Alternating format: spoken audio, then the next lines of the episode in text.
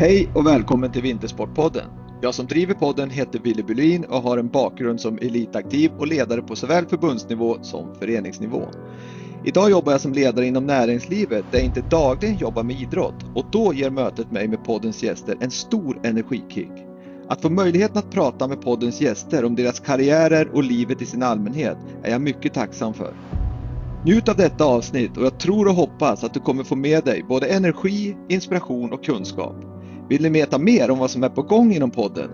Följ Vintersportpodden på Instagram. Detta avsnitt är i samarbete med Brooks, eller The Running Company, som grundades 1914 och är helt fokuserade på löpning. Med sin slogan Run Happy har Brooks som mål att inspirera alla att springa sin egen väg till ett bättre liv.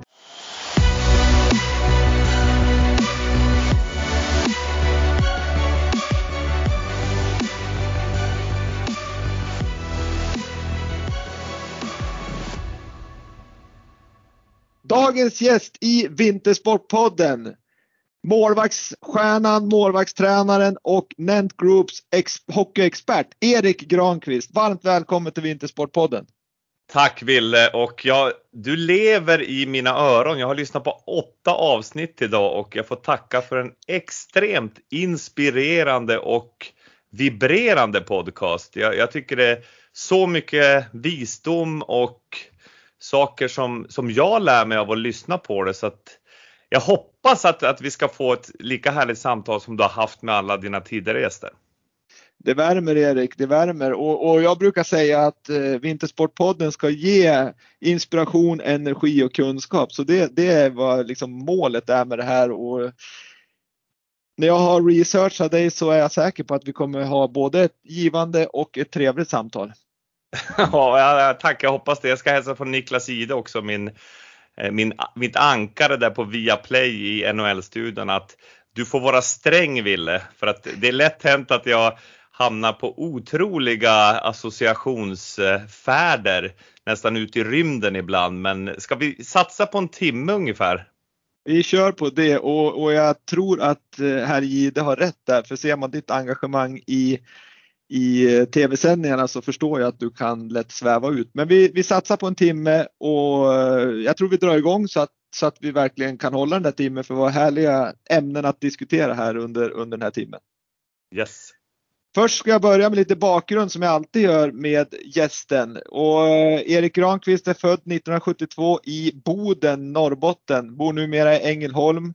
Gick hockeygymnasium i Boden studerade på universitetet ekonomi och marknadsföring.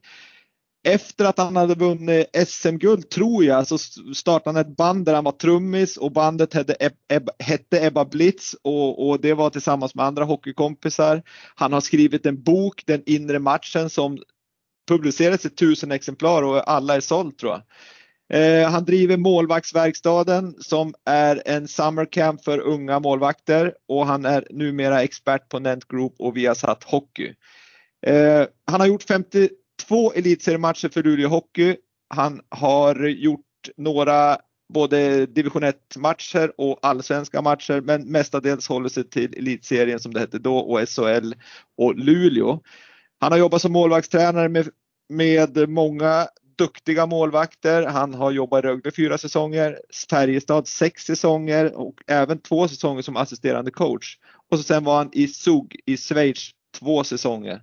Sen har han ett VM-brons 2010 med Tre Kronor. Sen blev du faktiskt personlig OS-coach för Jonas Gustafsson 2010 i Vancouver där de var och tog ett silver och Jonas Gustafsson vill så jättegärna ha med dig i truppen eller som personlig tränare och det ställde du upp på. Du var bästa målvakt i TV-pucken när det begav sig. Du har två andra platser i elitserien, ett guld 1996 med Luleå i elitserien och du har coachat väldigt, väldigt många duktiga målvakter som har gått vidare till NHL. Det är en lång, lång, lång rad härliga meriter Erik, vad säger du? Minnenas allé. Jag gick faktiskt på hockeygymnasium på folkhögskola var det då. Det fanns inga riktiga hockeygymnasium på den tiden utan det var, vi kallade det för Lackalänga. Det var en underbar folkhögskola där i Sunderbyn mellan Boden och Luleå. Och det var Lars Osten Bergström, coachen där som som startade igång det så att eh, Luleå värvade mig faktiskt från Boden när jag var 16 år då efter TV-pucken där som du nämnde.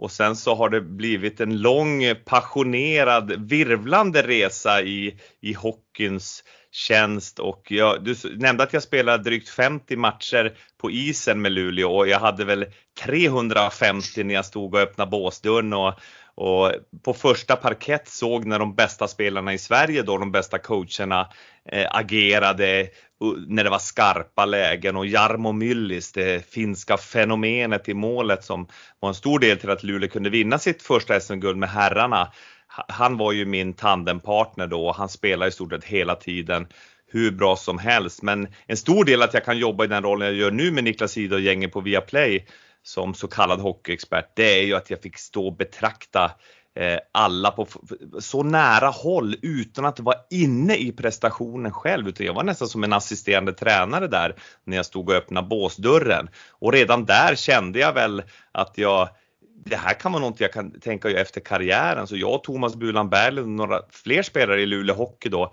gick faktiskt många tränarkurser under tiden vi spelade. Så att övergången från spelare sen till coach var, gick ganska snabbt, men det kan vi komma in på sen. Ja men det är intressant, eh, just det du säger där med att 52 matcher på, det var på is, det. sen hade du som sagt var över 300 i båset och, och, och hamnat som andra man bakom Jarmo Myller som kanske den tiden var en av världens bästa målvakter i alla fall, eh, om inte den bästa. Så, så det måste ju ha varit lite som kämpet ändå, även om du hade någon som var väldigt duktig att sparras mot. Men, men hur, om, om vi ska ändå inne på, på, på dig nu då och din bakgrund så kan du väl börja med att berätta, vem är Erik Granqvist mer från, från starten när du var ung? Var det hockey direkt eller hade du olika sporter som du höll på med? Ja, faktiskt min pappa han, han eh, kommer vara väldigt glad att jag, att jag får äran att vara med i din podd Vintersportpodden som, för han föddes i Skåne, pappa Conny, men, men var militär och åkte upp till Boden och eh, träffade mamma där, Anita som var damfrisör. Och eh, kärlek uppstod så att han blev kvar i, i Boden där och började bli förälskad i längdskidåkning och orientering. Och vi bodde där på Fagernäs eh, Erikslund där i Boden så vi hade ett 2,5 km spår där man kunde springa på sommaren och man kunde åka i, i underbara kuperade backar på vintern. Så att han, han körde runt, runt där. Han kunde ju åka 10-20 varv där ibland. Och det slutade med att han åkte Vasaloppet och blev helt frälst när det gäller, gällde skidåkning. Och försökte få mig och min lillebrorsa då Pelle som numera är professor i psykologi, men, men han, är, han är ett år yngre än vad jag är och han var väldigt vild. Jag var mer skötsam, duktig kille och han var mu musikkille och det var mycket brudar och och han levde, tog en annan roll kan man säga i familjekonstellationen då. Men, men, pappa ville att vi skulle testa massa olika sporter så vi testade orientering, en tävling. Så när jag kom på målrakan där så farsan var jätteglad, det hade gått bra. Jag hade trots världens sämsta lokalsinne har jag upptäckt nu lyckats jag hitta alla de här kontrollerna. Men när jag kom på målrakan och han sprang med mig bara, ah, hur var det här? Det var kul, vad duktig du är det är sista gången jag gör det här sa jag. jag. Det var inte en boll, inte en puck i skogen. Och då, jag minns någon vecka senare där eh, när vintern kom, då åkte vi längdskidåkning, jag och brorsan. Men som sagt, inga bollar, inga puckar. Och, och det var det som, som vi var mest intresserade av. Vi höll ju på med massa olika sporter på den tiden, inte organiserat men det var, vi hade pingisbord hemma, vi spelade mycket tennis både på gatan och och där eh, på Björknäsvallen där i Boden man hyrde tider för en tia. Sen kunde man dra av lappen och sätta dit samma lapp minns jag. Ja, den känner jag kväll, kvällen efter och det där är väl preskriberat nu men vi älskade bollar i alla dess former. Och sen fick, vi, fick jag någon lilla syster fick vi som var sex år yngre, Anna, som nu håller på med teater och skådespeleri. Så jag brukar säga att jag blev en mix av brorsan som är professor i psykologi och och syrran Anna då som håller på med, med teater och film och är skådespelare. Någonstans där mittemellan är jag när jag, när jag får jobba med mitt drömjobb nu då som är på TV. För att den här kärleken till hockeyn, när jag hade eh, rensat bort det som farsan gillar, orientering, längdåkning, brottning och sånt och testat på det och sagt, det här är inget för mig. Då såg jag Pelle Lindberg i Lake Placid i OS med den vita masken om du minns det. 1980. Och han var, 1980, ja. Han var elektrisk i målet. Han var så karismatisk personlighet och blixtrande eh, reflexer. Och sen så hade han en skön glimt i ögat när han blev intervjuad. Så eh, jag och farsan satt uppe på natten minns jag. Jag fick se en match där de skulle möta Tjeckien eh, och eh, jag såg den matchen, farsan somnade nästan direkt i första perioden. Jag satt som ett ljus och såg hela matchen och från den dagen så, så började det brinna en eld för målvaktspositionen och för den här underbara sporten hockey som jag haft med mig livet ut egentligen, ända tills nu och, och den brinner lika mycket nu som det gjorde när jag såg Pelle Lindberg göra en benparad där i, i TV-rutan och eh, så egentligen där börjar den här passionen för att jag ville stå i mål. Och även om jag spelar fotboll på sommaren där jag var en skärkande mittback, långa inkast och bra glidtacklingar men i stort sett usel med bollen. Men, men det var ju kul, på den tiden kunde man ju ganska enkelt kombinera hockey och fotboll så det blev mina sporter då vid sidan av pingis jag gillar att skruva. Men, men du, jag tänkte, mm, du började som åttaåring och du såg de här klassiska benparaderna. Det är inte ofta man ser sådana. Den målvakterna gör de paraderna idag eller? Nej, det, det har ju, målvaktsspelare har ju utvecklats något helt otroligt. Själv hade jag ingen målvaktstränare. Det var fläckvis någon Nisse Landén som nu är en skicklig målvaktstränare bland annat i juniorlandslaget och på andra ställen. En av hockeykonsulterna i Svenska Hockeyförbundet, Nisse, han var fyra år äldre än vad jag var så han var nere på någon träning där med oss som var fyra år yngre och det var ju drömmen när Nisse kom och, och kunde ge lite tips och, och titta på oss och på den tiden var det ju stå upp på alla skott. Men, mm. men, sakta men säkert så kom det ju nya förebilder, Patrick Roy borta i NHL och Henrik Lundqvist här hemma i Sverige som, som börjar spela mer butterfly. Man går ner i det här V och täcker mycket av isen och blir tät ner till. Eh, och eh, så utvecklingen på målvaktspositionen har varit lavinartad. Den har varit helt eh, fenomenal sista 20 åren egentligen och den fortsätter. Så just det här, jag har lyssnat på flera avsnitt, de här som är, eh, älskar detaljer och älskar små tekniska detaljer oavsett om det är längdåkning eller om det är utför alpint. På samma sätt så har jag fascinerats av, av hockey och framförallt då målvaktspositionen, att man när man coachar att små tekniska eller materialskillnader kan göra otrolig skillnad sen i prestationen ute på isen. Och man blir ju aldrig fullärd så att den här nyfikenheten som jag har eh, i alla roller egentligen i mitt liv kan jag ju verkligen leva ut när det kommer till hockeyn som är så en komplex sport. Ja, för, för titta, och sen har det utvecklats tycker jag då, på, på många sätt. Jag tittar på Jarmo Myllys och du var inte heller så stor. Eh, eh, Riddevall var inte så stor men nu tycker jag var och varannan målvakt är rätt så stor och i och med att de står mycket på knä så kanske man måste vara ganska lång. Är det någon bra reflektion från mig som inte är expert? Ja, det är ju en generell reflektion du har ju helt rätt i att eh, tittar man på snittlängden så är den ju över en decimeter längre Eh, eh, om man jämför på Pelle Lindbergs tid och som du säger gamla hjältar som Roffe Riddervall och Pekka Lindmark eh, med flera som, som jag hade som mina förebilder och idoler. Så, så de här senare som vi har sett Jonas Monstret Gustafsson som jag jobbade med i Färjestad som sen drog över till, till NHL efter att ha vunnit SM-guld i Karlstad och och hade 8-10 år borta. Där var, han var 1,93 lång och, och det finns ju flera. Markström är ju upp mot nästan 2 meter.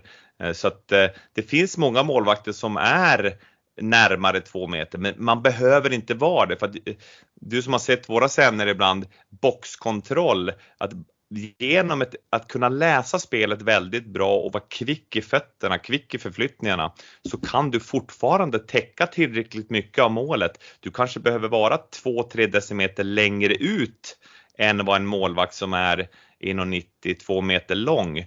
Men du, eh, om du kommer 2-3 decimeter längre ut så kommer du täcka lika mycket av boxen ändå, men det innebär att du måste kunna läsa spelet väldigt bra och vara blixtsnabb över i förflyttningarna. Vara ännu mer explosiv än en, en lite större målvakt. Så fortfarande finns det ju eh, till exempel Halak borta i, i NHL är ju oerhört vass målvakt och han är 1,80 lång. Jose Saros, en finsk fantom som, som spelar i Nashville, som har varit på målvaktsverkstaden där uppe, en camp som vi har uppe i just Sunderbyn i Luleå. Han är ju 1,79 lång och fortfarande ja, så, så kan han rädda upp mot 93% av skotten. Så att det finns fortfarande möjligheter för alla unga killar och tjejer som, som älskar positionen och, och eh, till exempel har haft Henke Lundqvist eller någon annan målvakt, kanske Robin Lehner eller det finns ju flera fina svenska målvakter där borta, Markström som jag nämnde, Ullmark och har dem som idoler så, så oavsett längd och hur man ser ut så, så går det att bli en, en riktigt duktig målvakt på elitnivå. Eh, men man måste utveckla kvaliteter som är väldigt eh, långt fram som jag sa för målläsarspelet, snabbheten eh, om du inte har den fysiska storleken på samma sätt. Förstår. Du Erik, du, du, du har ju Alltså, du sa att det var någon kombination mellan brorsan och syrran där den ena är psykolog och den andra är teater. Och, och, jag kan förstå, det måste ju vara en jäkla styrka liksom att ha båda de kunskaperna i ditt yrke nu. Att, att dels få lite hjälp med det psykologiska, hur man ska tänka om man mm. får någon form av press och det teatermässiga, hur man ska uppträda på en scen om man, om man får säga så. Men, men du verkar ju ha ett otroligt energi har du ju. Det märker jag ju liksom i samtalet och ett enormt engagemang vilket jag märker här och jag ser när du håller på i, i studion också. Du visar och, och hur man ska stå med utrustning och så vidare. Och, och, du, och, och du har ju en otrolig gedigen liksom um, karriär bakom det som målvaktstränare och, och även ASS-tränare och spelare. Men, men vad är det som gör att du fastnar för tvn? För jag vet ju att du har fått erbjudanden under, under tv-karriären att gå tillbaks och bli målvaktstränare för, för diverse klubbar. Mm. Men vad är det som gör att du tackar nej till det och, och stannar i tvn? Ah, det är en otroligt bra fråga. Eh, eh coachrollen, bara nämna att jag kom in på den så tillvida att jag upptäckte att jag har mer begåvning och talang att coach, hjälpa andra och coacha andra att rädda puckar än vi har att utföra det själv. Jag hade nästan högsta betyg i alla teoretiska ämnen men jag fick kämpa mig till en trea i de praktiska som slöjd och och teknik och sådana saker. Så att jag är inte så praktiskt motoriskt lagd utan jag är mer en teoretiker. Jag brukar ibland skämta om att jag visste allting om sex och samlevnad i mina sena eh, tonår. Eh, men jag utförde det sällan utan det var mina, mina kompisar höll på att experimentera och var med tjejer och ja men killar och oavsett vad man hade nu för läggning medan jag då mer var, var, en teoretiker och det där har på något sätt följt med mig i hela livet att, att jag hade mer egentligen teoretisk hockeykunskap både för det hela spelet men även för vad som, vad som eh, krävdes för att stoppa puckar än vad jag hade för att kunna utföra det själv. Så det blir ganska eh, enkelt för mig sen att, att känna att efter jag slutade med karriären, eh, då, då, jag var i Luleå och sen åkte jag till eh, ut på äventyr, dels först till Nyköping, jag skadade båtbenet där och var borta ett halvår, det var väldigt jobbigt och sen åkte jag till Feldkirch och det var det sista stället jag var och spela på. Och efter det började introspektion. Jag har hört att du har pratat med flera andra gäster om att när man inte längre är hockeyspelaren, vem är jag då? Och då börjar en inre resa där jag gjorde ganska mycket terapi eh, och, och blicka in på mig själv och det var ju total motsats mot hur hockeykulturen var då. Då var det ju bit ihop, visa inte när du är ledsen, visa inte att du är rädd eller nervös. Så man fick ju försöka hantera allting på insidan. Men, men, men då, då bad jag om hjälp att eh, jag fixar inte det här själv utan, och då träffade jag flera bra terapeuter och, och gjorde en eh, lärde mig eh, gråta igen och lärde mig att, att känslor är inte farliga. Det, det är faktiskt helt okej okay att vara rädd och nervös och ja, men hela känslospektrat och även att vara glad och dansa i extas utan att eh, behöva ta någon alkohol eller droger. You name it, allt vad det innebär att göra terapi. Men när jag väl hade gjort det och jag, jag, kände att jag kan gå ännu djupare. Då åkte jag till, faktiskt till Indien och mediterade med den här frågan, vem är jag? Och jag stannade i två och en halv månad. Jag levde sunt, det var, det var inget, absolut inga droger, det var ingen alkohol eller ingen flykt in i, i sex och sådana här tillfälliga relationer utan det var mer verkligen bara ta med mig frågan, vem är jag? Vem är det som är medveten om tankarna och känslorna som är här nu? Var bara med det. Och efter två och en halv månad där så upptäckte jag att den här guldmedaljen och den här prestationen som jag jagar hela mitt liv genom att försöka vara duktig i skolan, vara duktig i hockeymålet, vinna SM-guld och göra det. Den yttre guldmedaljen, den fanns redan på insidan. Och den upptäckten av, och, jag har hört dig prata mycket om olika gäster om skillnad mellan eh, självkänsla och självförtroende.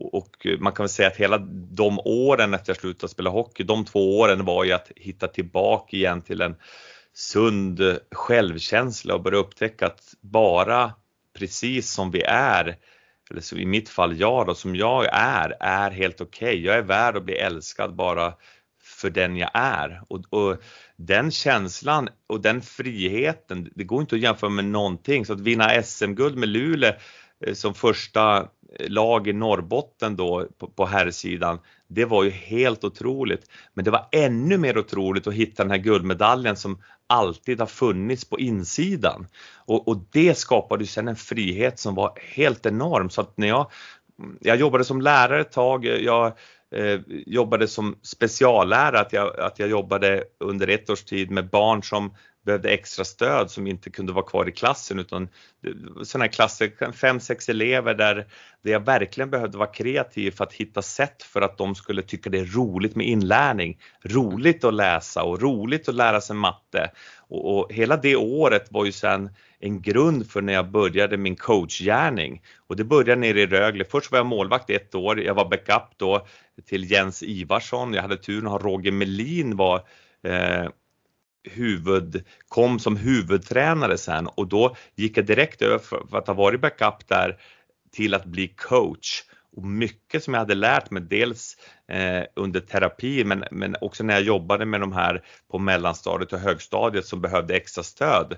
Att möta människan där den är och hitta infallsvinklar där deras passion finns för att locka till inlärning. Det det använder jag sen i min coachgärning och, och det har ju varit någonting som sen efter att ha coachat i åtta år var jag faktiskt i Färjestad. Så först var jag fyra, fem år i Rögle, sen var jag åtta år i Färjestad. Och när Niklas Gide hörde av sig, han hade sett något reportage där på Simor. de hade gjort någon reportage om hur jag tränade målvakten och hur vi jobbade i våran ledarstab då, då sa han oj, oj, oj, i nästa liv så vill jag bli målvakt och då vill jag ha Granqvist som målvaktstränare. Skrev han på Twitter eller någonting. Tänkte jag, jaha, vad, vad kul, för Niklas Ida hade jag alltid gillat på avstånd. Glimten i ögat, en världsstjärna i innebandy som lyckades skapa intresse runt sporten. Och eh, så därför så blev det som eh, Eh, match made in heaven på något sätt när han sa, ja men du får komma och testa och göra en sändning. Så vi kommer att testa att göra en sändning, eh, LA Kings mot eh, New York Rangers, finalen 2014 och det var Henke Lundqvist mot Jonathan Quick, två väldigt olika spelstilar. Och då frågade jag Jihde, kan jag gå upp och visa skillnaden? Ja men självklart. Så då fick jag gå upp på golvet där som kostar nästan en miljon. Det sista de sa i örat på mig var att passa golvet nu för det kostar en miljon. Så stresspåslaget blev eh, ännu lite mer än bara nervositeten att vara i rutan då. Men i det läget så fick jag så tyckte cheferna Per Nunstedt och, och de som jobbade och Gide att wow, det här är ett riktigt häftigt sätt att presentera TV på, lite nytt att, att göra inom, inom hockeyn.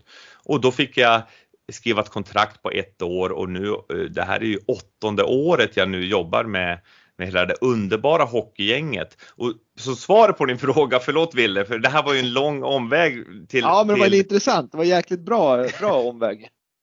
din, omvägen är ju till att vara i det här laget som vi har nu med, med Niklas Gide som lever som han lär. Alltså det är en av de varmaste, schysstaste personer jag någonsin har träffat, alla kategorier.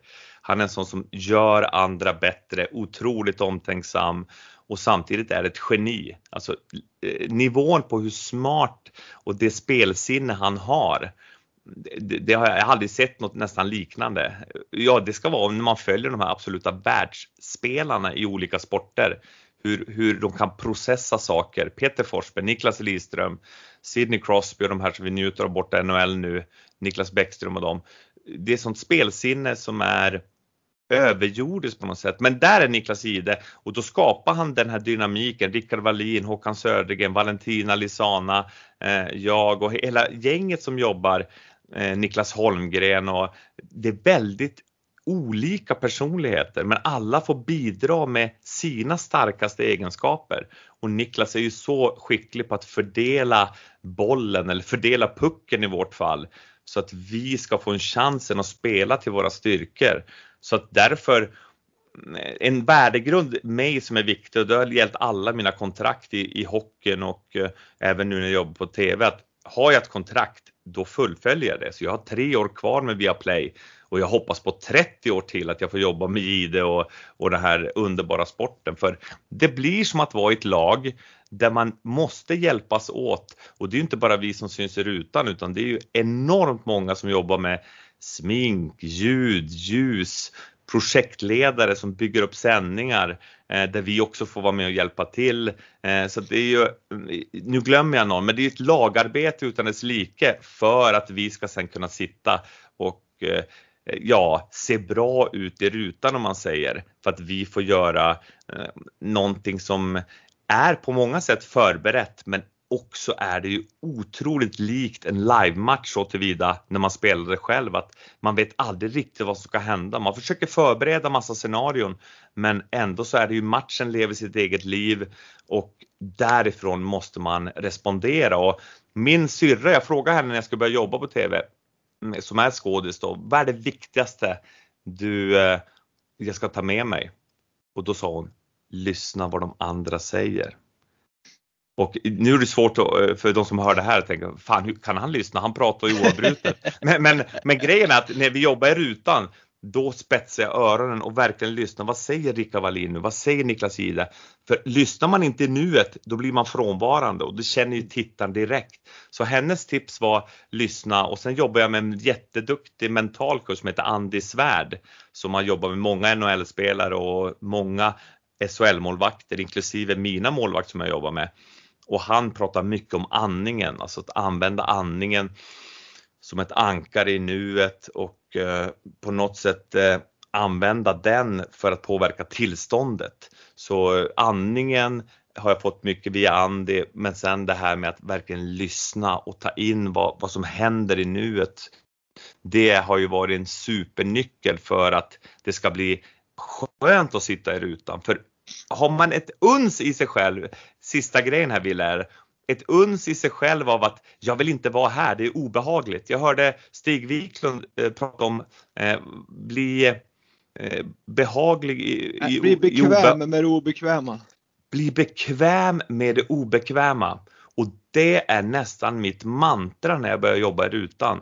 För direkt Gide ställer en liten tuff fråga, eller det händer någonting, vi får upp en förbundskapten efter en, en tuff match i hockey-VM. Nu kan det bli eh, obekvämt. Och då måste i mitt fall jag våga vara kvar i det obekväma och ibland ställa obekväma frågor, säga obekväma saker. Att svensk hockey ute på, kan vara ute på en farlig väg. Och jag vet det kommer bli massor med reaktioner på det här. Men jag måste våga säga och stå för det jag tycker och känner under de här givna förutsättningarna och då mm. kan det vara ganska obehagligt. Så jag börjar faktiskt inför World Cup så börjar med att ta iskalla duschar varje dag. Så jag ställer mig mellan ja, en och en halv minut, ibland upp till 2-3 minuter, ibland 30 sekunder. Jag börjar kanske med 30 sekunder men nu kan det vara upp mot 2-3 minuter och bara står och tar djupa andetag för att påminna mig om att, ja just det, det handlar om att bli bekväm i det obekväma. Och livet, man, man önskar, en del av en själv vill ju att det ska vara bekvämt hela tiden. Oj, oj, vad skönt med en räkmacka, men så är ju inte livet. Det händer ju grejer som man behöver respondera till och ibland så behöver man gå in i det obekväma. Så jag gillar verkligen vad han sa där Stig, när han pratade mycket om just den biten. Mm. Och jag tror det är ju egentligen om man tänker efter så är ju det nästan enda sättet att, att utvecklas. Det är ju att bli bekväm och obekväma. Ja det är det och, och koppla på det, när du skickar sms om jag kunde vara med i Vintersportpodden och då gick jag in och tittade och började lyssna och bara oj, det här är ju egentligen eh, ska jag våga vara med där? Hur mycket kan jag om alpint och längdåkning? Det enda jag kan var att jag kände att det var underbart att sitta med farsan när vi var små och jag har aldrig sett honom så engagerad. Han hade koll på alla mellantider och man kände en kärlek där i vardagsrummet när, när han satt och, och följde eh, Gunde Svan och Tovas Wassberg och eh, Ingemar Stenmark när de avbröt lektionerna där uppe i Boden, Fagernässkolan och rulla in den här TVn för nu skulle Ingemar åka och, och, hela Sverige stod stilla. Så jag är ju uppväxt med den här kärleken till vintersporter. Bara det att jag har inte utfört dem själv. Men det är lite utanför min komfortzon att vara med i den här typen av podcast som du har. Ja men du, du gör det ju fantastiskt bra för det har ju som, som sagt varit anledningen mycket till att du är med. Dels är det ju en vintersport hockey det vi pratar om men, men sen har du ju i min värld väldigt väldigt bra liksom eh, sunda värderingar. Jag tycker du har bra eh, synsätt på, på mycket av det vi ska komma in på här. Men, men jag tänkte bara innan vi drar in på, på, på de sakerna så du var ju i Indien där och, och hittade själv i två och en halv, tre månader och, och du fick ett smeknamn, eh, det, det, du nu går under också, Erik Ashoka om jag uttalar det rätt vet jag inte. Men, men det var väl han ledaren där som, som gav det, det namnet och var, var, kom det namnet ifrån kort bara lite? Ja, det var ju, det, träffade en meditationslärare där som var väldigt bra för mig som heter Madukar som, som egentligen bara eh, sa sitt kvar här, var bara kvar här i nuet. Och, och, jag var ju så prestationsinriktad så att jag sa ju, eh, ge mig bara någonting jag kan göra. Ja, det enda du behöver göra är att vara kvar här. Var kvar här och titta efter. Vem är det som är medveten? Vem är det som är medveten om, om kroppen som sitter och skakar? Jag slutade snusa i samma veva så jag hade ju sån abstinens första veckan. Så kroppen satt ju och skaka och, och, och bara sitta i de skakningarna och, och betrakta kroppen. Och de, de gick över, precis som egentligen eh, det mesta här i livet, om man bara vågar stanna upp och ah, acceptera det, det, som är just nu, då förändras det. Men i samma stund som man, man kämpar emot det, försöker hålla borta det, då kommer det och det kommer tiofald. Så he, hela den grejen att gå ifrån ett görande, presterande till ett varande, då kände jag att på något sätt jag behöver, jag skulle vilja ha någon, någon stöd i mig själv, något som påminner mig om, om det här varandet. Så, som alltid är här. Man behöver ju inte åka till Indien för att upptäcka sig själv utan det är ju precis där man är just nu. Eh, och det var då jag, alltså, kan jag inte få något namn som, som stöder det, det varandet i mig själv och då fick jag det Ashoka som då är en gammal kejsare i Indien som i början var väldigt krigisk och e- försökte erövra länder och eh, större och större landvinningar och makt tills han upptäckte att det blir bara tommare och tommare och tommare och till slut så, så kom han ungefär till, till samma insikt som jag gjorde i mitt liv att den här jakten på, på yttre bekräftelse och, eh, och makt eh, och, och så vidare, det blir bara tomt. Och då blev Ashoka i det fallet, han blev buddhist och, och började meditera och, och, och, följa lite Buddhas visdomsord och sprida fred och, och meditation i Indien. Så det blev en väldigt fredlig tid där under den här kejsaren Ashoka och då fick jag det namnet som jag, jag, jag känner, det här är ju, jag var i Indien alltså år 2000, men jag känner fortfarande att att det är ju på något sätt är det ju någonting som jag får påminna mig om för det går ju så fort nu med alla sociala medier och med allting där du får hela tiden feedback att det är ganska lätt att bli lost i det här bekräftelse och prestation och då är det som bara en påminnelse, just ja, Ashoka, stanna upp. Ah, vem, vem, vem är det som är medveten om det här och, och mera njuta av att vara nu, även ibland när det är jobbigt. Och, och livet är en massa utmaningar och eh, har man barn som vi har, Jonathan, våran son som nu är snart 12 år, eh, och att ha en kärleksrelation, jag och Yvonne har varit tillsammans i över 18 år. Det är ju det är ju många utmaningar med det och, och våga vara sårbar, våga kommunicera. Jag och Yvonne gick i parterapi faktiskt efter åren där i Karlstad för att jag jobbade ju 100 timmar i veckan i nästan åtta år och eh, det blev guld och det blev framgångar eh, som coach och så och med vårat lag. Det var ju underbara spelare och ledare där. Men vår relation fick ju hela tiden komma i sjunde hand. Men tack och lov så sökte vi hjälp. Vi hittade en jättebra parterapeut så vi tog tio sessioner tillsammans. Det var alltid någon av oss som grät och, eh, och vi, vi försonades hela tiden på något sätt djupare och djupare. Och det här är några år sedan vi gjorde det, men just att det finns hjälp att få. oavsett om man kämpar med en relation eller om man kämpar med mental ohälsa eller, eller vad det är så finns det ju väldigt duktiga människor som kan hjälpa en. Fast man måste ju bara våga be om hjälp då. Så att eh, jag vet inte om det var svar på frågan. Det var ett väldigt långt svar.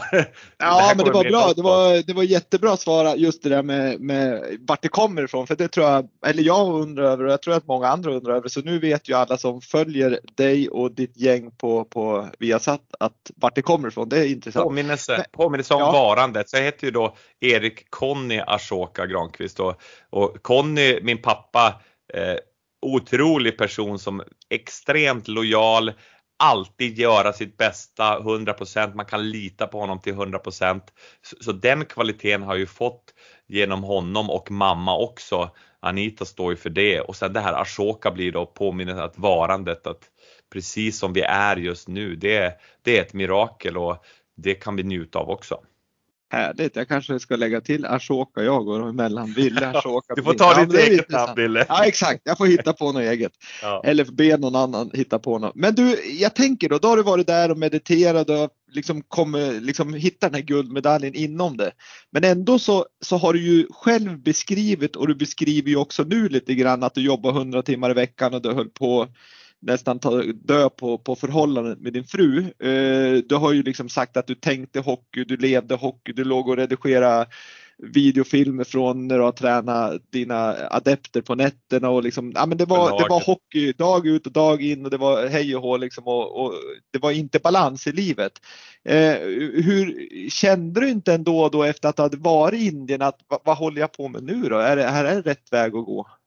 Ja, ja, ja det, det, är det som är, det är det som är på något sätt priset man får betala eller får vara beredd att betala att, att i, i, samma stund man börjar öppna dörren till sitt känsloliv eh, och våga vara sårbar och då kommer det ju att börja kännas rejält när, när man på något sätt eh, sviker sig själv, att, att det blir den här obalansen. Så att ja, ja absolut, det, det som hände där i i sista åren i Karlstad var att, att jag jobbade otroligt mycket så att vi tillsammans med de andra coacherna och med spelarna såklart också. Men jag hade ju ansvar för video också så att jag scout, scoutade motståndarnas spel och vårt eget spel och tog ut klipp och så så Tommy Samuelsson och de andra tränarna kunde visa laget.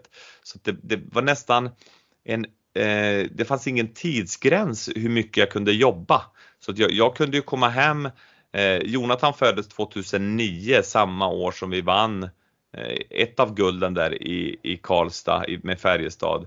Och eh, när han blev en två, tre år gammal och kom, ah, pappa eh, jag ska visa en grej, kan vi göra det här? Ja, jag kommer strax och då satt jag och redigerade video. Och nästa gång det medvetna tanken kom, ja just det, Jonathan, då tittade jag, oj klockan är redan 10 på kvällen. Det har gått fyra timmar. Och, och nu, det var då jag började tänka, oj oj oj, vad händer nu? Nu är jag nästan ännu mer inne i en prestationscykel än vad jag var innan jag gjorde terapi, innan jag åkte till Indien. Så bara för att man kommer till en insikt i terapin i, i en viss struktur att okej, okay, jag har en tendens att, att eh, inte ta hand om min självkänsla utan jag har en tendens att hamna i presterandet alldeles för mycket. Det eskalerade ju enormt men samtidigt så får man ju av, alltså det luriga med det är att man får ju, när man upptäcker att oj, jag är, jag är duktigare på att coacha än vad jag var på att spela själv. Det här ska jag gå all in på nu. Men, men på något sätt så upptäckte jag ju efter ett tag att jag blir ju inte bättre coach av att jag, att jag jobbar 100 timmar. Det är ju snarare i veckan utan det är ju snarare bättre att jag jobbar, säg att jag jobbar 60 timmar i veckan, men att jag har två timmar per dag med familjen och jag har en timme per dag med min träning. Det är ju viktigare än att jag tar ut det perfekta klippet till imorgon. är du med? Och, och ja, ja visst, visst. Och, och, hela det här, det är säkert många som känner igen sig. Det är bara stoppa in i sin egen lilla verklighet. Och på, det som också var bra väckarklocka för mig var att jag började i det läget eftersom det blir sån obalans. Då började jag ju eh, träna för lite, alltså för lite egen tid för träning och motion. Det var inte bara familjen och börja äta mer och mer eh, skräpmat och så, men även dricka ett, ett glas vin för mycket eh, eller en öl för mycket så att vikten var ju uppe på, jag vägde 110 kilo som mest där när jag var i, i Färjestad, vilket ju är ja men det är ju 25 kilo över matchvikten. Eh, eller ja, i stort sett, eller 30 kilo över matchvikten. Och, och grejen med det är att då börjar det bli jobbigt. Alltså, man känner ju att kroppen, hjärtat får det jobbigt och det blir ju eh, det sätter sig också på psyket på många sätt, vilket i, i, i det här fallet för mig var att då började jag nästan nå botten att vänta, jag måste ta tag i det här. Jag måste sluta dricka alkohol eh, och börja motionera igen och jag har en ganska extrem personlighet så att då då upptäcker jag att ah, då är det bättre att jag inte dricker alkohol alls. Som nu till exempel, jag har inte druckit alkohol på, på tre år. Jag har bestämt eller upptäckt att jag har mycket lättare att hitta en bra balans i mitt liv. Enormt mycket mer närvarande partner till Yvonne och tålmodig pappa med Jonathan om jag inte dricker alkohol. Och för sådana som enkelt bara kan dricka ett glas vin som Yvonne på fredagskvällen och hon är hur pigg som helst ändå på lördagskvällen. Medan jag kanske då dricker tre, fyra glas vin och är lite trött på lördagmorgonen. Och eh, alltså det får en negativa konsekvenser som jag känner, nej, det där, det där eh, då är det bättre att jag skippar det helt. Så att på något sätt, jag har testat eh, många grejer att vad är bättre? Är det bättre att jag dricker alkohol eller inte? Äh, men jag mår ju, jag mår ungefär jag skulle säga 10 gånger bättre som person om jag värderar 24 timmar på en, en vanlig torsdag som du och jag pratade nu Ville om jag inte har druckit alkohol än om jag gör det. Och jag behöver ju inte längre saker för att döva mitt, mitt känsloliv eller för att fly. Självmedicineringen på det sättet som jag använde mig av när jag spelade hockey och, och mådde dåligt i perioder och även när jag jobbade för mycket och hade obalans, det blev en sorts självmedicinering. Det behöver jag försöka komma under, eh, alltså inte göra längre utan mera fejsa vad som händer på insidan och hitta en bättre balans. Ja, men det, det, är ju jättebra för sen gick du in i 16 weeks of hell som också är en, liksom egentligen en ytterlighet. Alltså det är som du beskriver själv att det är all in på det du gör verkar det som. Och 16 weeks of hell blev ju också all in på både träning och kost och så vidare. Och, ja. och är det någonting du lyckas behålla, liksom att du tränar vidare och äter hyfsat eller, eller är du tillbaks i, i, i mat? Nu tänker jag, du har ju beskrivit att du lever sundare, men lyckas du hålla liksom formen hyfsat? Ja, det där är ju extremt intressant. 60 Weeks of Hell är ju också en, ett, eh, ett, ett bananskal för mig, för egentligen så var det Niklas Gide som de frågade. Men det är ju inget för Gide att göra något sånt extremt i fyra månader. Hans personlighet passar inte det. Så då tipsade han Claes Andersson, våran eminenta kommentator, att eh, istället ringa till mig då. Så då ringde de till mig och Stefan Schwarz hade gjort det. Så att eh, och de sa det, det är inte jobbigt, det är bara man, man, sätter upp ett mål, du får exakt vad du ska äta och så. Och sen så kör du din powerwalk och träning. Och på något sätt, jag som har varit elitidrottare, det är ju ganska enkelt. Sätta upp ett sånt där tydligt mål, man har en begränsad tid, man ska göra det, det är bara att ha disciplinen och, och planera och utföra det. Så att omställningen är ju jävligt jobbig första två, tre veckorna. Eh, ända upp till fyra veckor när, när man ska komma bort ifrån att äta alldeles för mycket eh, kolhydrater och godis och så som man, som man inte behöver som en, jag i mitt fall nu 49-årig man, jag var ju 47 när jag gjorde det där. Så att på något sätt så, dels så hittade jag tillbaka, fan vad skönt det är att träna.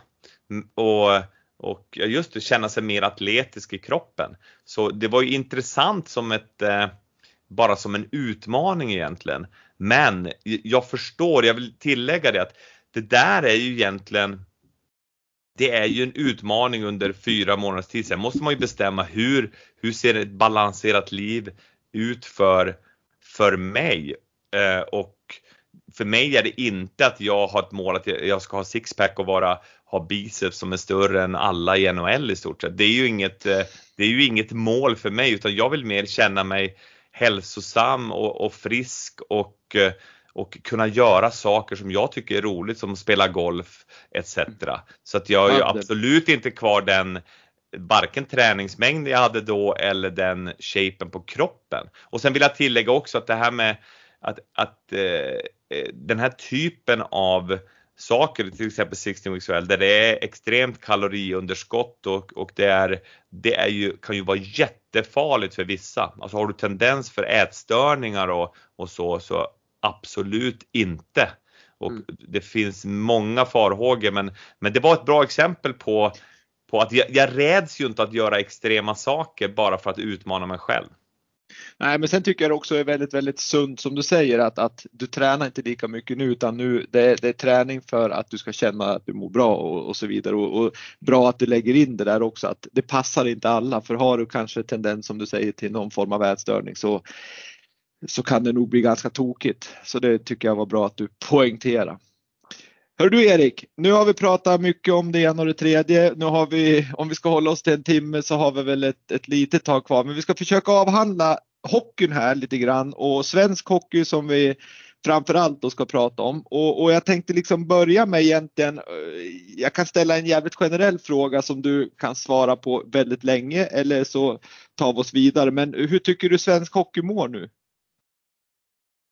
Uh, det finns utmaningar i svensk hockey. Vi ser väldigt eh, skickliga, väl, på många sätt eh, välutbildade individuella eh, begåvningar komma upp och, och det är många som blir draftade i, bort till NHL, världens bästa hockeyliga som ju är en temperaturmätare att få fram spelare på, på det sättet.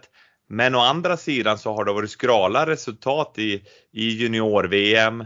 Eh, senaste åren och det som är också var oroande var ju att, att eh, senior-VM, det tog de sig inte ens till slutspelet Tre Kronor. Så att jag har ju pratat i våran podcast, via Play Hockeys podcast och, och eh, Wallin och Södergren också tillsammans med Niklas Id att, att den här juniorutredningen som Tommy Bostedt och några till genomförde strax efter millenn millennieskiftet. Att man, 2002 va? 2002. Man samlade ihop en massa kloka hockeymänniskor och brainstormade där under några dagar.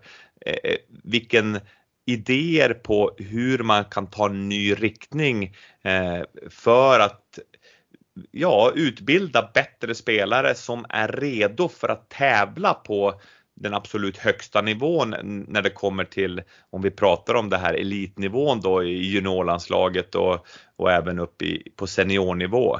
Och, och det, det bar ju frukt, det, det blev ju enorm skillnad på på ja, men framgångar där om vi, vi pratar resultatmässigt. Men också eh, fostrade väldigt bra människor. Och är det någonting jag vill, jag vill prata om när det, när det kommer till hockeyn att de här superstjärnorna med Viktor Hedman i spetsen och Gabriel Landeskog och även de generationer före med Lidström, Forsberg, Sundin. Det är ju otroligt härliga, sympatiska, eh, godhjärtade människor eh, utanför isen och sen har de förmåga att tävla stenhårt och göra allt för att laget ska ha en chans att vinna och bidra på isen och tar enormt stort eget ansvar för sin utveckling. Och, och jag tycker att man ska nu göra en, en ny sån eh, brainstorming helg där man samlar ihop massa, massa människor i Hockeysverige och tar ut en ny riktning men också använder de här Eh, killarna jag nämnde och också några av tjejerna, de bästa i, i, i damhockeyn, både som är nu och som har varit tidigare, där man, man sam, blir en enad kraft i, i, en, i rätt riktning för hockey är ju en lagsport. Och det som är så intressant att nu är väldigt mycket fokus på den individuella utvecklingen. Och det är ju bra att kunna utveckla individuella färdigheter. Men samtidigt så måste du kunna utveckla ett, ett spelsinne och en förmåga att kunna oavsett den roll du blir tilldelad för dagen kunna vara med och bidra för att laget ska, ska bli framgångsrikt. Och här tycker jag att det finns mycket att göra när jag ser eh, ser på alla nivåer i, i svensk hockey. Och, och det, det, är det, dels det som händer på isen och sen är det ju vad jag tycker är är det viktigaste. Det är, det är att hockeyn ska vara en inkluderande miljö. Jag är ju själv fostrad under en en, en machotid där på 80 och 90-talet. Jag var inne på det, man skulle bita ihop, inte visa något eh, och det var mycket machoideal och tack och lov har det börjat förändras. Eh, vi har sådana killar som Robin Lehner till exempel som har pratat med om sin psykiska ohälsa och sin väg tillbaka via, via rehab och, och Jonathan och Hedström var Jonathan Hedström också jätte eh, viktigt att han har kommit ut och pratat om sina ätstörningar, att det finns hjälp att få. Jag har pratat i våran podd om eh, gjort terapi och tagit hjälp av mentala coacher. Så att den här stigmat runt det har ju börjat släppa. Men det är fortfarande så mycket jobb att göra och, en positiv grej nu i Rögle som jag är lite verksam och hjälper till med målvakterna på ungdomssidan. Där har ju Rögle BK anställt Lotta Föx Möller som är otroligt duktig på just det här med, med barnkonventioner och, och barn, barnens rätt och hur man kan kommunicera med barn på ett bra sätt. Hon är jätteduktig på att förankra värdegrunder som den här gröna tråden som ska genomsyra hela Rögle om vi pratar om den klubben. Det ska vara mycket mer inkluderande oavsett vilket kön du har, vilken sexuell läggning, vilken hudfärg, vilken bakgrund så ska du känna dig trygg och välkommen i hockeymiljön. Och där börjar det med att utbilda ledarna så att vi kan föregå med gott exempel, att vi vågar fejsa oss själva och kan komma dit varje dag och vara engagerade och ha, ha de värderingar som, som klubben vill att vi ska förmedla till alla de här som, som är sugna ända från Tre Kronors Hockeyskola och hela vägen upp. Att man se, och, och, är det då något trubbel eller någon som inte sköter sig, ja direkt så, så kommer Lotta och prata med dem tillsammans med då Chris Abbott som är sportchef. Så att man tar de här, ibland kan det tyckas som små saker men man tar det på allvar för att man ska vill förändra den här kulturen. Och det är ju ingenting som sker i en handvändning utan det är ju någonting över lång tid men att, att börja att, att lägga tid och resurser på det, det tycker jag är helt underbart och jag hoppas att fler klubbar tar efter det, att även Hockeyförbundet lägger in i sina tränar och ledarutbildningar mycket mer tid på just de här sakerna som jag pratar om just nu.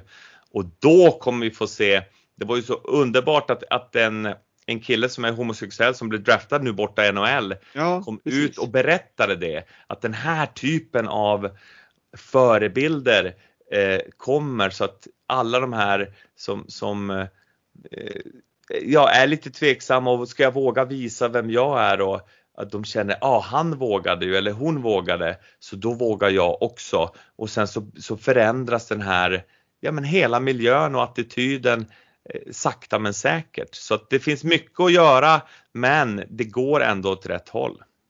Ja men absolut och det är ju otroligt härligt det du säger om, om Rögle, hur de, hur de jobbar för det är lite det jag är ute efter att liksom, man måste ju som, det är en sak att det finns i permar att man ska ha den här attityden, man ska, man ska bete sig på det här viset och man, man, man har det i, i någon form av ABC-perm från Hockeyförbundet. Mm. Men det är ju nästa steg som är svårt att implementera det i föreningarna och att man jobbar med det träning efter träning och att man har det i omklädningsrummen, i, i korridorerna. Liksom att, att, ja. att, som du säger, att ledarna måste verkligen och föräldrarna naturligtvis måste verkligen hela tiden jobba med, med, med attityden, vilket språk har vi till varann.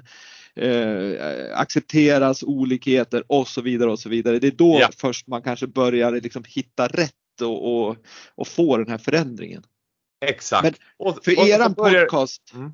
eran podcast 313 som, som jag tyckte var, liksom där pratar ni ju just om eh, Sveriges position som, som världsledande hockeynation och då var ni inne på det här med att de, de åkte ut eh, hockey-VM och, och, så vidare. Men, och, och, så just att man skulle ta ett nytag och då var ni inne på ledarna också, liksom att, att ledarna är viktiga och att man har liksom rätt ledare på rätt plats, att man inte bara jag vill ställa upp och vara ledare och så får man bli ledare och så är det bara tok sen.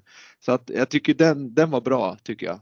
Ja jättebra och det är det som är stödet. Det är ju he, hela hockeyn och, och, det gäller ju alla idrott. Det vilar ju på det här föreningslivet att det är ideella krafter. Det är, det är föräldrar som, som ägnar sin tid, de har inget betalt för det men, men åker ner och, och är där och, och stöttar barnen och i, i deras första stapplande skär ända upp i ja men i tonåren och sen där det blir mer elit framåt um, när de kommer upp i 15-16 års ålder med hockeygymnasium och men, men 99,9% är ju att försöka skapa en miljö där, där man lär sig ta ansvar, man lär sig eh, vara i grupp, man lär sig vinna med respekt, förlora med respekt, Eh, våga sätta upp mål och kämpa tillsammans, eh, våga ta ut sig, det är inget farligt att bli trött. Eh, och ibland så går det, går det inte som man vill och man, man blir ledsen och då får man vara ledsen en stund. Men sen använder man besvikelsen till att kämpa lite mer nästa gång. Alltså det, hela den här processen att vara människa, det är så guldläge för, för alla idrotter och även om vi pratar om hockeyn specifikt att de som kommer dit, de har sett några förebilder, de, de vill testa på och att, att då komma in det är inte som i skolan där, där det är plikt att komma utan det är ju frivilligt att komma. Och därför är det ju så otroligt eh, egentligen gynnsamt när man kan ha välkomnande härliga ledare som, som eh, eh, vågar eh, Eh, vara, alltså vågar ta till sig det som nu forskningen visar och det är bara att lyssna på din podcast, lyssna på, på intervjuer med ja, men Stig Wiklund och, och alla de här som, som har sån enorm kunskap i det här ämnet att eh, om man vågar vara som ledare också bekväm i det obekväma, för ska du ändra en attityd, då kommer det ibland bli obekvämt i en ledargrupp. Eh, om det är några 30-åringar och så 40-åringar och så 50-åringar så är det någon 60-åring i en ledargrupp. Har du blivit väldigt präglad som den här 50-åringen eller 60-åringen som präglades under 70 och 80-talet i en annan kultur, då måste du våga förändra dig själv och se nytt att ja jäklar det här management by fear och skälla ut dem och skrämma dem och, och eh, håna dem och förminska. Det är ingen väg so, som vi gör längre i, i hockeyn. Däremot att, att då våga säga ifrån i ett sånt i tränarrum att vänta, det där är inte okej okay längre. Nu är det 2021. Du, alla är välkomna. Jag gillar inte den där kommentaren. Äh, men det var bara skämt. Det finns inget roligt med det där. För den killen eller tjejen som, som känner sig lite utanför och annorlunda, den typen av kommentarer gör kanske att de inte ens vill komma hit något mer. Så att inte acceptera det och då måste man ha civilkurage och våga stå upp och säga att det där är inte okej. Okay. Det där ska vi lägga ner nu. nu. Vi är i en helt annan riktning nu. Så du antingen får du jobba med dig själv och, och så att du kan leva efter de här värdegrunderna vi har. Annars är du inte välkommen att vara här. Och där behöver ju föreningen vara väldigt ärlig men också tuff och säga att det där är inte accepterat eh, från ledare i Rögle BK eller vilken klubb det nu gäller. Du kan inte vara här för vi vill inte att det här ska föras vidare till till den här nya generationen som kommer. Men det ska inte förväxlas, var bra att du blandade in föräldrarna Ville. För att föräldrarna är ju en stor del av problematiken också när föräldrarna vill leva sin egna, sina egna drömmar genom barnen. Mm. Och, och, i det här fallet så är det ju, det är ju barnen som, som älskar och, och tycker hockey är kul och, och har sina egna drömmar och, och låt dem ha det. Men som förälder, jag älskar dig som du är. Eh, ut och, och ge järnet idag och ha kul och vi finns här för dig. Oavsett hur det går så kommer vi älska dig. Men om mm. du vill bli duktig på den här sporten hockey, då får du fundera, okej okay, om du vill göra mer mål, vad behöver du göra för att göra mer mål? Ja, jag kanske ska skjuta lite mer. Ah, det är ingen dum idé. Du kan, mm. du kan ställa dig och skjuta lite på skottrampen. Inte för min skull eller någon annans skull. Bara för din egen skull om du vill utveckla den färdigheten. Och det här är ju, jag säger absolut inte att det är lätt. Varken, det är ju hela tiden en utmaning att att navigera i det här. Men jag är väldigt tacksam att få vara en förening som Rögle, Rögle just nu då som, som verkligen tar det på så stort allvar att, att Lotta Föxmöller i det här fallet då blir ett bollplank till oss ledare. Det skapar ju en enorm trygghet. Men också att hon kan vara den som, som eh, spelarna kan gå och prata med och ja, det är en väldig lyx i den här, hela den här attitydsförändringen. En sista grej här Wille bara att Björnstad, den här otroligt boken mm. av Fredrik Backman, har du läst den? Jajamän. för, för, un, för ungarna har jag läst den. Ja, vad bra. För, för det har jag sagt, det borde vara en nu i tränare ledarutbildningarna i hockeyn, det är bara att, att alla läser den och sen så tar man och reflekterar själv och tillsammans. Hur ska vi göra för att det här inte ska hända? Och, och det där är klart, det är extrema exempel i, i den boken och i den serien som också går då på, på HBO eller vad det är. Men det är så viktigt att man vågar reflektera för att man ska kunna skapa en förändring. Verkligen. Eh, och, och, det är ju det här som, det är ju den här liksom det finns ju en balans där mellan föräldrarnas engagemang och, och hur mycket de liksom förstör för att eh, någonstans det är ju härligt när de engagerar sig men det, det, kan ju som du säger ofta gå över gränsen och jag skulle nog säga så här att man har inom svensk idrott ska jag säga från RF då sagt att man inte får tävla eh, för en viss ålder, man får inte räkna målen och man får inte ha tabeller och så vidare. Och, och, för mig så är det liksom lite så här, för barnen tror jag, de har ju full koll på allting. De, de vill tävla och, och de börjar grina om de förlorar och, och så vidare. Men någonstans är det ju liksom en del av livet också att, att kunna förlora, att kunna vinna. Ja. Men det problemet tror jag att, att man har fått sätta de här gränserna, det är ju på grund av föräldrarna. Det är min eh, analys av det. Jag vet inte hur du ser på det. Nej, klockren analys. Exakt därför. Det, det är ju de här föräldrarna som ja, de, de, de har, eh, jag skulle säga jättestor del av dem har inte själv fått leva sin dröm inom den idrott som de gjorde och då ska de försöka då förverkliga genom barnen då som ska leva drömmen. Och, och problemet med det, det är ju jättemånga problem med det hela, men att det finns eh, alla de här knasbollarna då som, som eh, får barnen att känna sig värdelösa och eh, de, de pushar på, på helt fel sätt så att det här med, med självkänsla för barnet att, att jag, jag är värd att bli älskad som jag är, det, det finns inte på kartan utan det enda som det handlar om är att, att man måste vinna serien, man måste vara bäst i laget och bababa.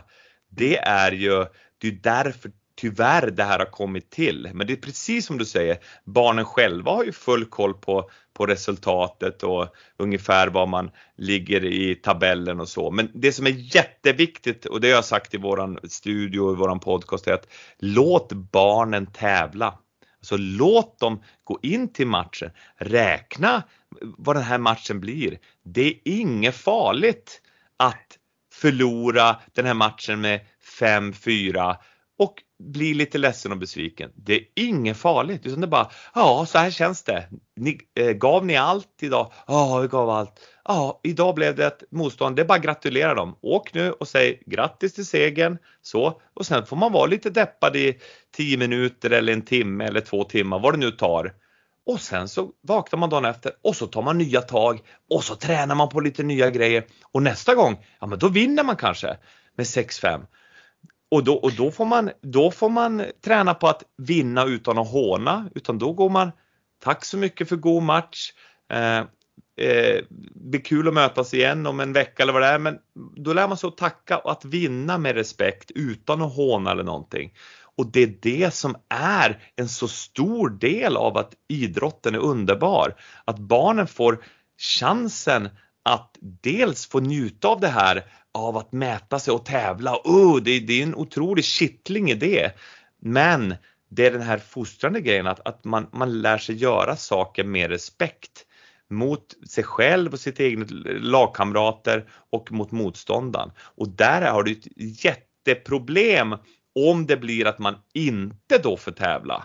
För då blir det ju då blir det en otrolig chock då sen när man kommer upp senare, ja nu är det verkligen tävling, nu är det utslagning till och med några år senare och då blir det ju en superchock. Så att det här är ju ett enormt viktigt ämne där man, jag kommer tillbaka till att eh, låt barnen tävla eh, och eh, räk, räkna resultat och det. Okej okay, om man inte vill ha tabeller upp till de är 11-12 fine om det blir så, men resultatet i själva matchen, räkna det och sen lär sig bara hantera känslan som kommer. Och vore inte föräldrarna så jävla knasiga många av dem och känslomässigt handikappade så skulle det inte vara något problem. Utan då är det bara, ge dem en kram, underbart, ah, jag är besviken pappa. Ja, det får du vara. Det har jag varit tusen gånger i mitt liv. Jag har varit ja, halvblind målvakt. Jag har varit halvblind målvakt. Jag har släppt in elitseriens snabbaste mål efter sex sekunder. Va? Sådär. Har du gjort det? Henrik Lundqvist har släppt in över 10 mål i, i en av sina första matcher. Va? Alexander Salak släppte in 20 mål i sin första match som jag hade i Tjeckien. Men det, det, man får vara besviken och så kommer man tillbaka. Alltså skapa den här miljön där det, det är inget farligt att tävla utan det är underbart. Och sen träna på och det ska vara kul att komma till hallen. Härligt, hur är läget idag? Ah, vad roligt, nu kör vi! Och det är det goet, det är det engagemanget som jag möttes av av mina ledare uppe i Boden och sen i Luleå som gjorde att trots att jag var halvblind och ibland eh, fan inte såg pucken ändå så ville jag komma tillbaka för det var en underbar miljö att vara i. Och det är det man vill skapa för alla unga killar och eh, tjejer som kommer. Ja, det, är, det är kloka ord alltså. Det är grymt bra. Jag, jag sitter och bara njuter av, av, din, din, din syn och det är väl en stor anledning till att du är med här, det ska jag säga.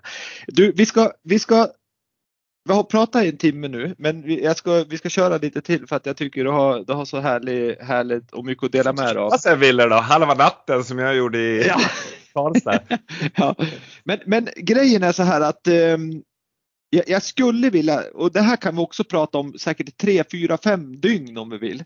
Men om man tänker hur Hockeyförbundet, om vi håller oss till hockey bara, inte idrotten i stort, men om vi tänker Hockeyförbundet, eh, hockeyligorna, alltså de organisationer som finns och föreningar och så vidare och hockey som sport. Hur tycker du liksom den är organiserad om man tänker som, som Hockeysverige är organiserat? Ser du att det är bra eller skulle det kunna vara på ett annat vis där förbundet har mer makt, mindre makt, där man är med och styr mer eller tycker du liksom att nu har man lagt ut ganska mycket på på SHL-organisationen och allsvenska organisationen och liksom nästan putta bort putta ner ansvaret lite grann. Jag, vet inte, har du någon mm. åsikt om det?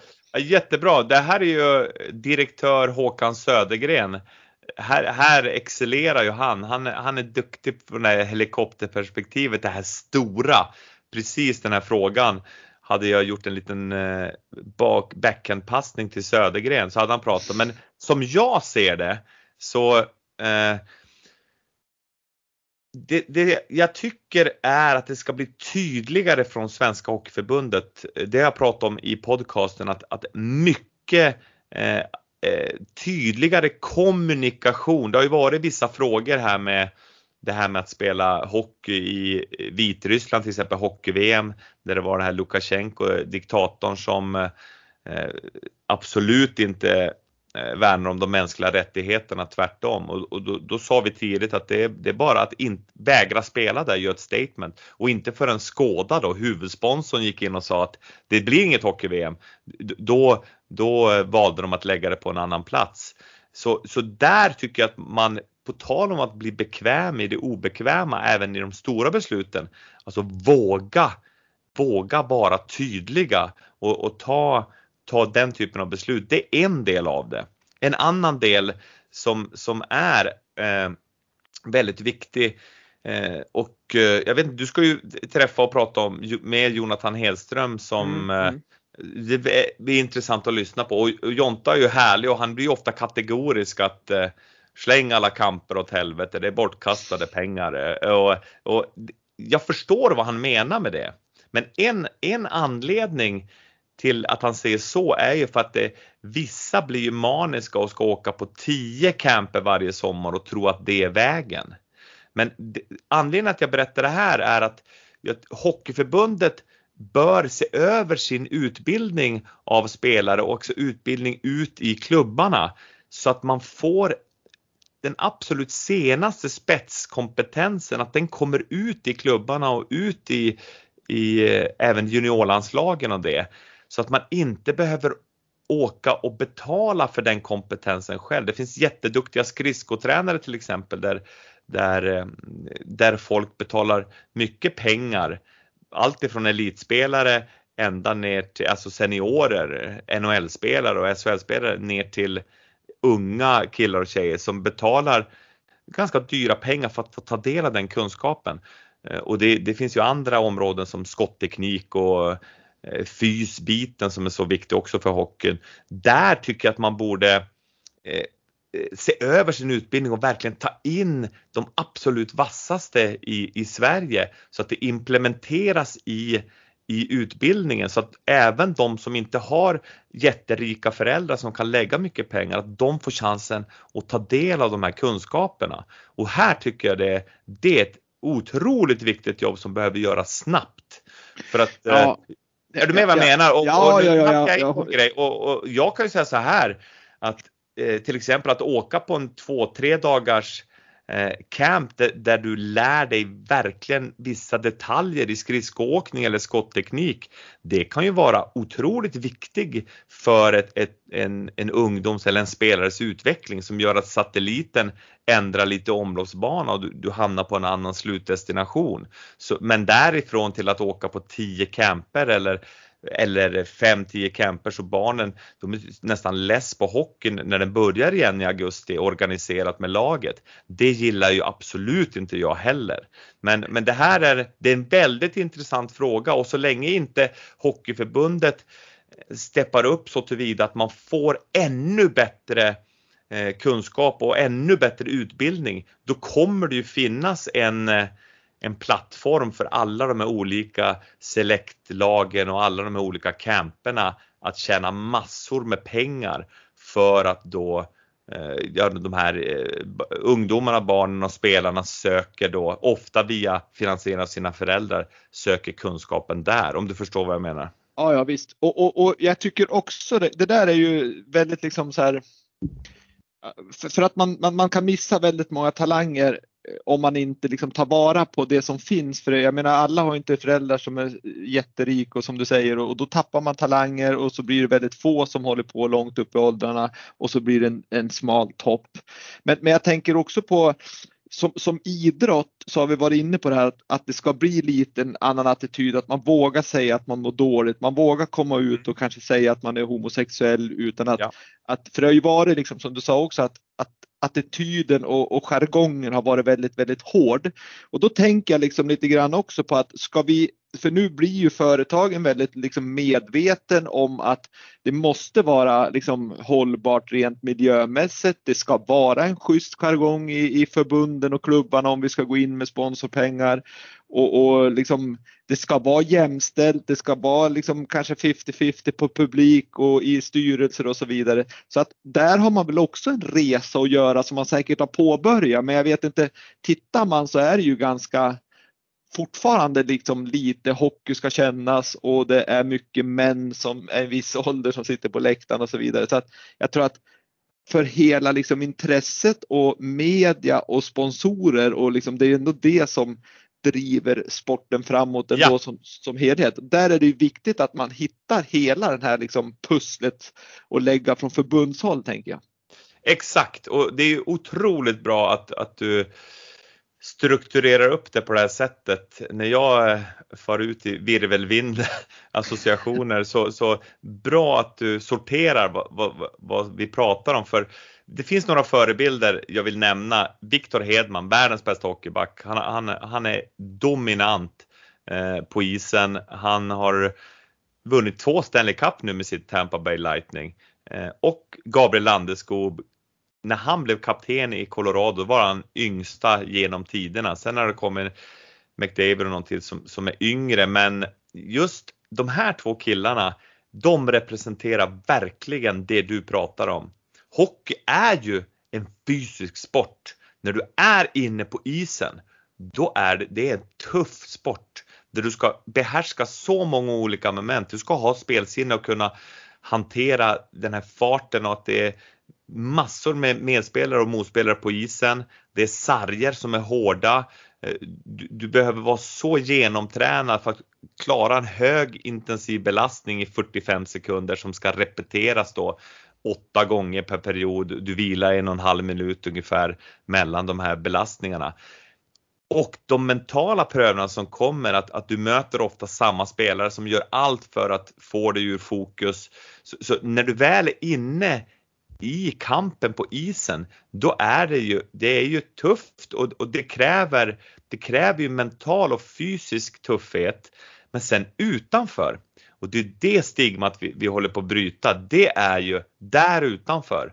Där är det okej okay att be om en kram. Där är det helt okej okay att be om hjälp eh, och, och prata och vara sårbara och eh, jag har ju träffat så många fina eh, spelare och Viktor Hedman och Landeskog och det finns ju så många fler, jag skulle kunna räkna upp ja, men hundratals svenska förebilder bara som, mm. som har den här eh, förmågan att vara underbara eh, medmänniskor, superfina lagkamrater utanför isen och på isen där kämpar de och ger absolut allt för att laget kunna bidra för att laget ska vinna. Det är den kombinationen som man mer vill få fram så att man inte tror att man när man går utanför rinken och går ut där och, och kommer ut utanför att man ska vara kvar i det.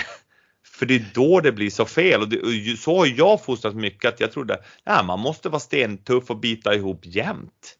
Men det är ju så absolut inte så längre. Men som du säger, fortfarande finns det ju ledare eh, eh, och andra människor som, som håller fast vid att det är så det ska vara.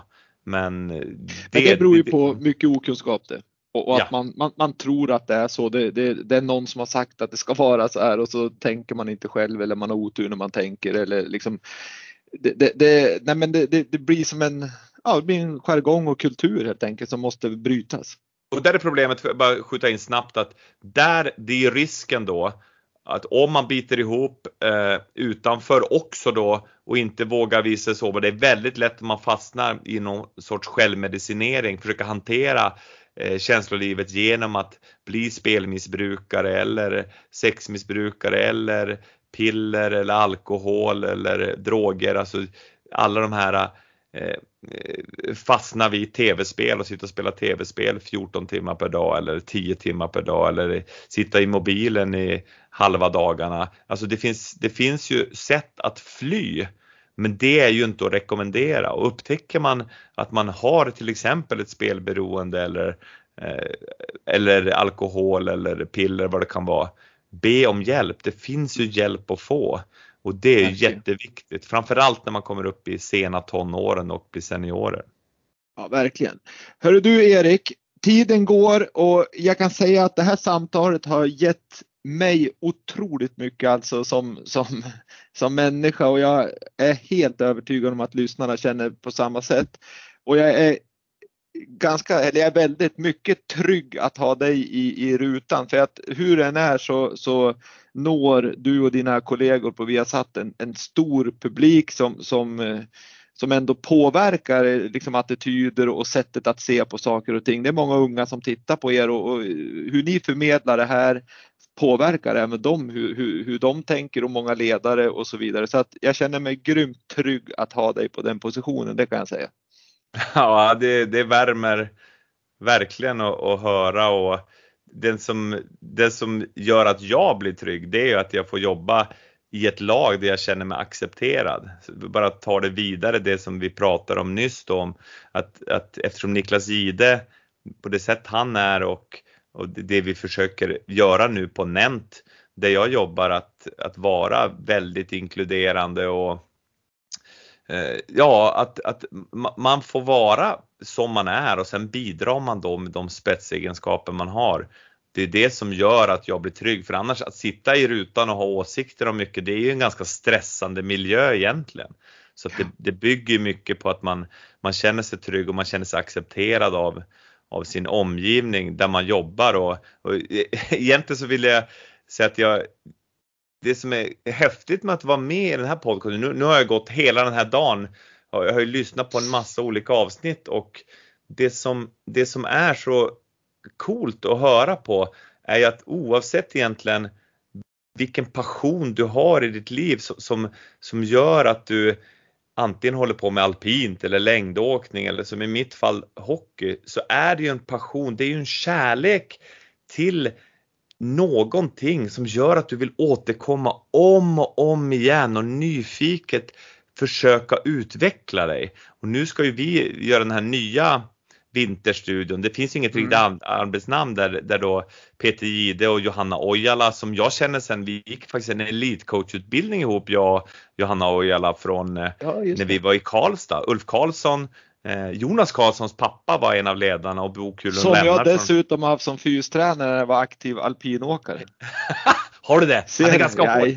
Jag, jag kallar Aj. honom för Hulken. Jag, jag kände, uh, när han spände blicken i mig då, då, då kände jag att uh, oj, han, han, kan, han kan bli sträng kände jag. Men i alla fall när jag gick och, och, eh, och tänkte på det här idag att, att vara med i din härliga podd så, så, så gillar jag också att Johan Olsson och Frida Hansdotter ska komma och vara, vara några av våra experter där. Mm. Där de har den här de har inte bara varit absolut i världseliten, alltså bäst, bäst, bäst på det de gör. En stor del av det har varit att de har börjat lägga tid att omfamna den de är. Och det är det som är den här paradoxen.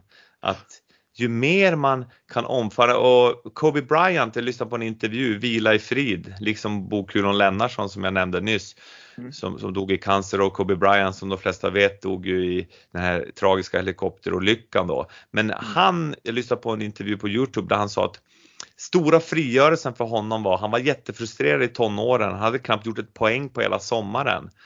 Och Eh, han pratade med pappa om att, äh, sin pappa, att jag, jag vill lägga av med basket. Och då sa pappa, bara så att du vet, jag älskar dig precis som du är. Och vill du inte spela mer basket, då behöver du inte göra det. Men vill du göra poäng och spela basket, då får du börja träna på att sätta olika typer av skott. Och han sa den friheten det gav honom att han, han kände att jag älskar som jag är. Det gjorde att han sen kunde bli så dedikerad och studera och träna och försöka göra allt för att maximera sin potential. Så det kan man inte nog poängtera hur viktigt det är det här med att försöka hitta i sig själv att det, man är ju unik som man är och värd att bli älskad för den man, den man är. Och det är inte alltid lätt men, men det finns där som en inre guldmedalj som är det finaste för mig i alla fall. Ja, det är kloka ord Erik. Jag är stolt att ha dig som gäst kan jag säga. Det är jättehärliga ord, det måste jag säga. Um, dessvärre så är ju som sagt när man, när man får riktigt så här intressanta saker att prata om, då, då skulle vi kunna göra förmodligen tre avsnitt eh, av, av podden. Men vi får, jag tror faktiskt att vi får, vi får ta en uppföljare någon gång framöver här för att vi vi har mycket att prata om och vi skulle kunna ta ett nytt avsnitt någon gång. Men just den här podden, avsnittet tror jag vi ska försöka avrunda nu så att vi inte blir för lång, långrandig. Det är bra, Men, det var som Gide sa, säg åt Wille nu att han, är, att han måste vara sträng mot dig. Gide kan ju sparka mig på benet ibland under bordet eh, när, när, ingen ser för att nu måste vi avbryta och jag håller med, det har varit magiska minuter och jag älskar att prata med dig och eh, men det är väl dags för sista frågan va? Absolut. För det första så måste jag, jag måste ställa en fråga. I och för sig, den här frågan kan du göra, du får bara svara liksom väldigt, väldigt kort nu. Det måste du lova att göra. Men det, ja. det finns en, en lyssnarfråga, det finns många lyssnarfrågor, men jag ska, jag ska ta en lyssnarfråga som jag ändå tycker är lite intressant. Det, det, vi börjar prata om det, det här med utveckling från att Jarmo Myller slida till att man nu står och, och på knä och liksom jobbar på ett helt annat sätt. Men vad är nästa steg inom målvaktsutvecklingen? Ah, otroligt bra fråga. Du ställde en fråga tidigare om jag inte är sugen på att gå tillbaka och coacha. Jag har fått erbjudanden från KL och från Schweiz och från SHL-lag. Men jag trivs som sagt så bra på, på TV. Men däremot så jobbar jag som konsult så att jag coachar målvakter via internet. Det är ingen som Jaha. vet om det, men jag coachar så topp, topp målvakter i Europa som, som uh, stealth mode. Så att de, de, har ju målvaktstränare i sin klubb men, men de, de vill ha en second opinion och, och bolla med mig då. Så att jag är ganska involverad i coachingen nu av av riktigt vassa målvakter här i Oj, Europa. Vad intressant. Ja, och, och det, det, kan vara ämne för en annan podd, eh, coachingstrategier ja, och så. Men din fråga är ju ypperlig och det det kommer till väldigt mycket nu. Jag pratade med Henrik Lundqvist också om det när han vi gjorde, jag intervjuade honom i Skandinavium där, när han la plocken på hyllan för gott. Mm. Och han säger också och vilket jag säger att det handlar otroligt mycket nu om att kunna läsa spelet och värdera om man ska vara kvar stående, om man ska gå ner på ett knä, om man ska gå ner i butterfly, alltså olika typer av räddningsval. Men det kommer mycket mer ner till och det är också in i framtiden att vara otroligt eh, smart och snabb i tanken att kunna via synintrycken man skannar eh, och ser var hoten är, att kunna läsa av vad puckföraren ska göra om man ska skjuta eller passa, var hoten är. Så den läsningen kommer att bli viktigare och viktigare ju snabbare hockeyn går. Men också att man har en, en, en, en stor verktygslåda så att man inte blir lättläst. Så att det här drop and hope, att bara gå ner och hoppas att man blir träffad, det är ett minne blott. Utan det är verkligen att ha tålamod kvar på skridskorna i vissa lägen så att man inte går ner för tidigt.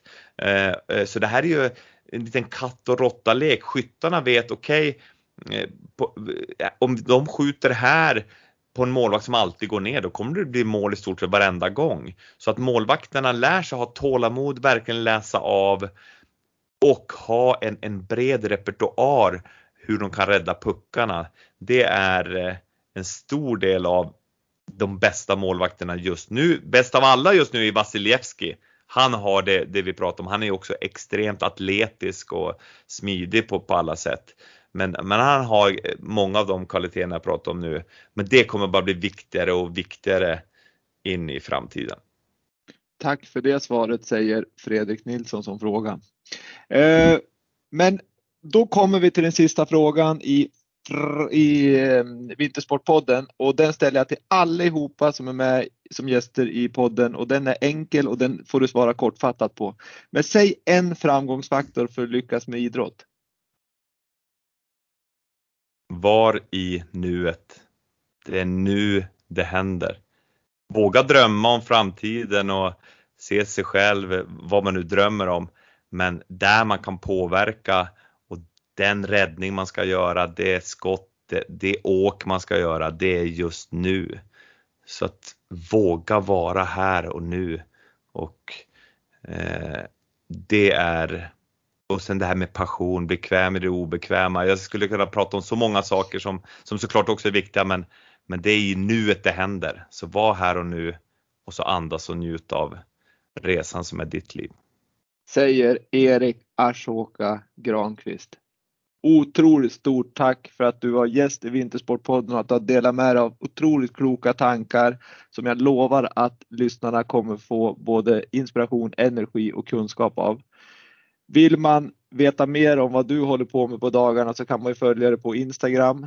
Sök på Erik Granqvist, du heter Erik Ashoka där. Ja. Eh, sen är du aktiv på Twitter. Ja, Twitter, där blev jag faktiskt bannlyst. Jag, jag, jag skulle puffa det för en Bundesliga-studio som Gide gjorde mitt under pandemin. Jag tänkte jag, jag är schysst med dem. Åslund och Niva och Gide satt där så jag får lite mer tittare. Så jag, jag, jag spelade in en 15 eh, min, eh, sekunders videoklipp där. Mm. Jag då, såg faktiskt att du var avstängd. Då blir jag då då Bundesliga stänger, säger nej men han har brutit mot rättigheterna. Jag skickade till Bundesliga och sa att ja men snälla ni, jag jobbar på företag som har rättigheterna i Sverige. Nej, det hjälper inte. Så att då, det, det var ju över 31 000 följare på, på, på, det sättet. Men det var ju jättebra träning let go, alltså bara släppa taget. För ja. det är ju mycket av en illusion. Anledningen att man har framförallt Twitter är att puffa för för de saker vi gör. Jag brukar lägga ut varje morgon på Free Happy Habits. Just nu är jag startar en ny då som, som har några tusen följare, Free Happy Habits, där jag uppdaterar varje morgon hur det har gått i NHL. Det är ju 32 lag i NHL under hösten, Seattle Kraken kom in. Så då brukar jag hjälpa vad svenskarna har gjort under natten och resultat och sånt. Men annars är det mest så på Instagram, Erik Ashoka och våran podcast, Play Hockeys podcast, drar igång igen nu i slutet av september då, där vi pratar hockey från alla ligor. Så där är ju där är ju dina kära lyssnare varmt välkomna också om de gillar hockey specifikt. Absolut och än en gång stort tack. Följ Erik på Instagram och, och lyssna på deras eh, poddar också om ni är intresserad och Vintersportpodden så kan ni ju naturligtvis följa också på, på Instagram så får ni reda på lite information om vad som händer och lite inspiration om träning och så vidare. Tack ska du ha Erik och stort lycka till i vinter med allt som du tar an och eh, kör hårt. Andas lugnt. Tack, ja, tack detsamma. Fortsätt förgyll och vi kommer höras fler gånger. Det kan jag lova dig. Jag tycker du är, är grymt intressant och inspirerande och jag längtar till att höra Jonta Hedström som nästa gäst. Andas och njut. Ha det bra. Tack, hej.